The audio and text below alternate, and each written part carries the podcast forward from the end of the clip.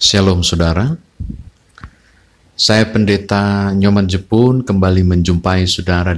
Saya ajak Bapak Ibu yang mau mendengarkan firman Tuhan ini, saudara dipersilakan untuk menjangkau Alkitab saudara masing-masing.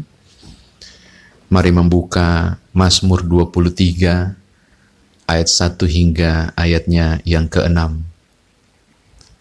Mazmur 23 ayat 1 hingga ayatnya yang ke-6. Sebelumnya, mari kita berdoa untuk firman Tuhan ini.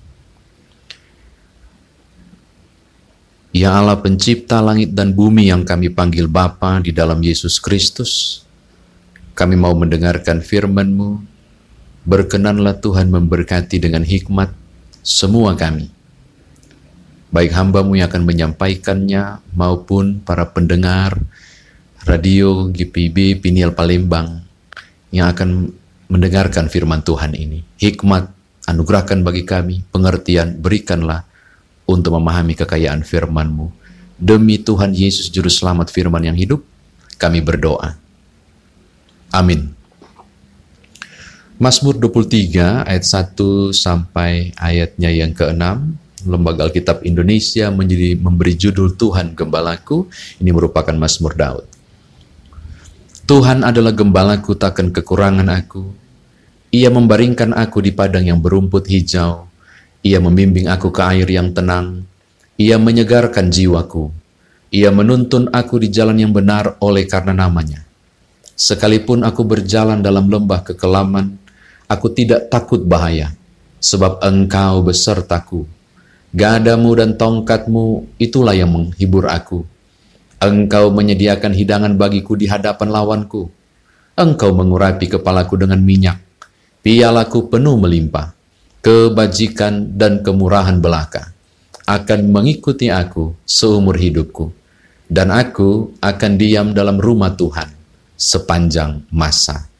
Demikian firman Tuhan, saudara dan saya dikatakan berbahagia jika mendengarkan firman Tuhan ini, merenungkannya, memberitakannya. Tapi terlebih istimewa melakukan dalam hidup beriman kita. Bapak Ibu, Saudara kekasih dalam Tuhan pendengar radio GPIB Piniel Palembang yang diberkati oleh Tuhan, saya percaya Mazmur ini sangat Saudara kenal. Bahkan banyak orang menghafal enam ayat ini, termasuk anak-anak sekolah minggu, ketika Daud mengenal dekat Allah dan mengekspresikan pemahamannya tentang Allah bagaikan gembala kepada dombanya. Mari kita lihat bagaimana Daud melihat Allah dan kehadirannya dalam perjalanan hidupnya ketika Daud berperan sebagai domba dan Allah sebagai gembala. Yang pertama Bapak Ibu perhatikan teks ini.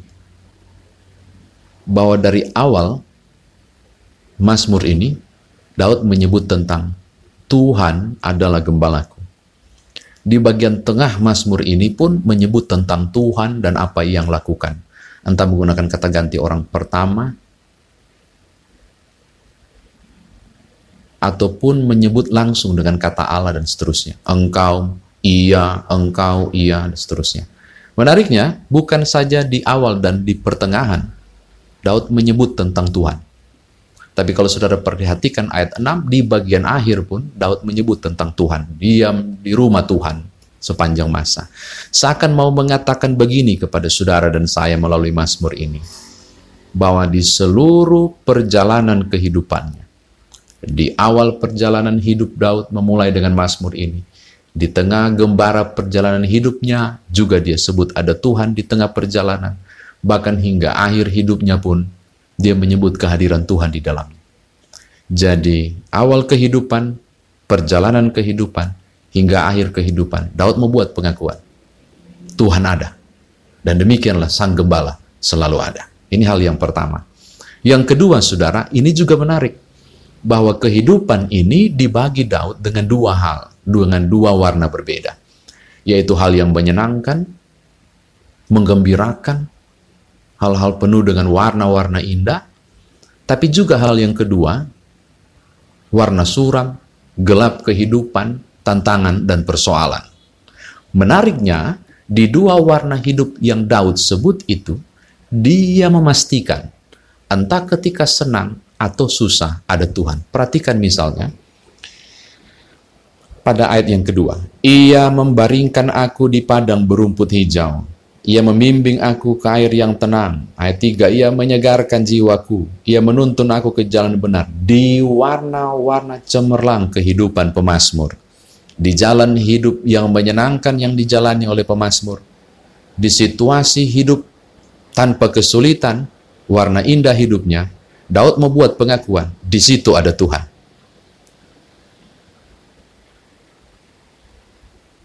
Ada Allah hadir di tengah kesenangan hidup yang ia jalani. Ada sang gembala yang membuat ia boleh menikmati kesenangan hidup ini.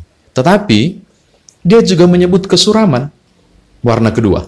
Dia juga menyebut tentang kesulitan hidup yang dijalani.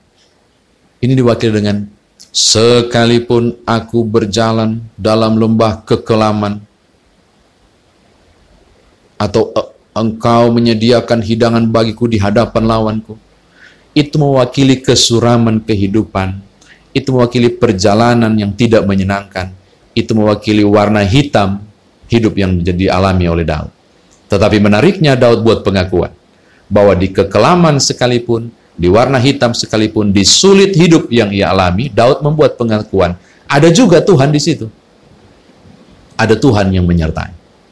Bahkan ini yang luar biasa catatan ketiga. Saudara lihat ayat yang ke-6 kebajikan dan kemurahan belaka akan mengikuti aku seumur hidupku.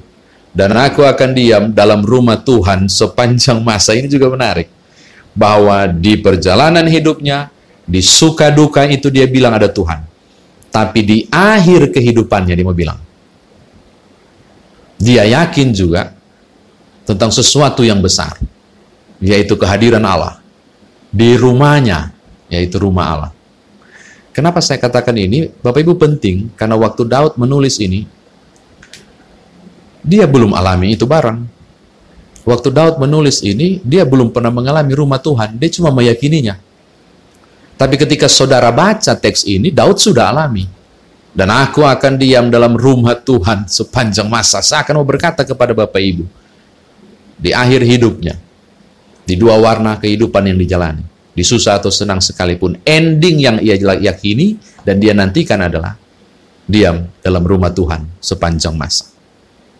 Saya kira demikian firman Tuhan ditafsirkan. Nah, sekarang bagaimana saudara membawa dalam kehidupan beriman ini? Bapak Ibu saudara kekasih dalam Tuhan, catatan pertama saya kira sangat penting untuk dipahami oleh setiap orang percaya. Tidak pernah saudara akan menjalani kehidupan ini dengan satu warna saja kesenangan, kesukaan, keceriaan. Engkau tidak akan pernah hanya melihat pelangi tok dalam kehidupan. Di kondisi-kondisi tertentu, saudara dan saya akan diizinkan Tuhan untuk mengalami kondisi sulit. Maka tidak heran kalau Daud mengatakan dua warna kehidupan. Warna menyenangkan maupun tidak menyenangkan. Rumput hijau yang luar biasa maupun lembah kekelaman Dua warna kehidupan ini saudara dan saya akan alami. Maka saya mau katakan hal yang pertama ini sangat penting, dengarkan baik-baik. Apa pun yang Bapak Ibu mau jalani ini cuma ada dua warna dalam hidup. Hal yang menyenangkan maupun yang tidak menyenangkan. Ketika saudara sedang mengecap semua hal yang menyenangkan dalam hidup. Ketika saudara mengecap semua hal yang baik dalam kehidupan saudara. Firman Tuhan mengingatkan, berhati-hati. Ada momen, ada saat di mana ada kesenangan, tapi juga ada ketidaksenangan. Ada momen di mana saudara akan tersenyum sukacita, tapi ada momen di mana engkau akan menangis penuh duka. Karena ini realita kehidupan Daud memaparkan hal itu. Ada dua warna kehidupan. Jangan cuma mau terima hal yang baik dari Tuhan. Kata Ayub kepada istrinya. Tapi kau tidak mau terima hal yang tidak baik dari Allah. Apa pun yang saudara alami, di susah senang hidup saudara, jalanilah itu sebagai dua warna kehidupan. Tidak mungkin mengelak. Adalah aneh jika saudara mengharapkan pelangi, tapi tidak mengizinkan datangnya badai. Padahal hujan badai adalah peluang untuk hadirkan pelangi. Karena pelangi tidak akan pernah muncul jika tidak ada hujan. Ya tak? Jadi dua warna kehidupan ini yang saudara akan jalani. Ini hal yang pertama. Yang kedua Bapak Ibu, saya kira kita wajib untuk buat satu perundungan penting, mengoreksi diri, atau paling tidak mengevaluasi. Benarkah ketika saudara mengalami kekelaman, bayang-bayang maut di ayat yang keempat itu. Diperinya kehidupan, di gelapnya perjalanan hidup saudara, benarkah tidak ada Tuhan di sana? Benarkah tanda bahwa Allah jauh dari kita? Benarkah bahwa Tuhan tidak bersama dengan saudara? Saya mau kasih tahu ini Bapak Ibu. Daud mengakui terbalik. Dia mau bilang, di tengah kesesakan dan kesulitan hidup, ada Tuhan. Gadamu dan tongkatmu, itulah yang menghibur aku.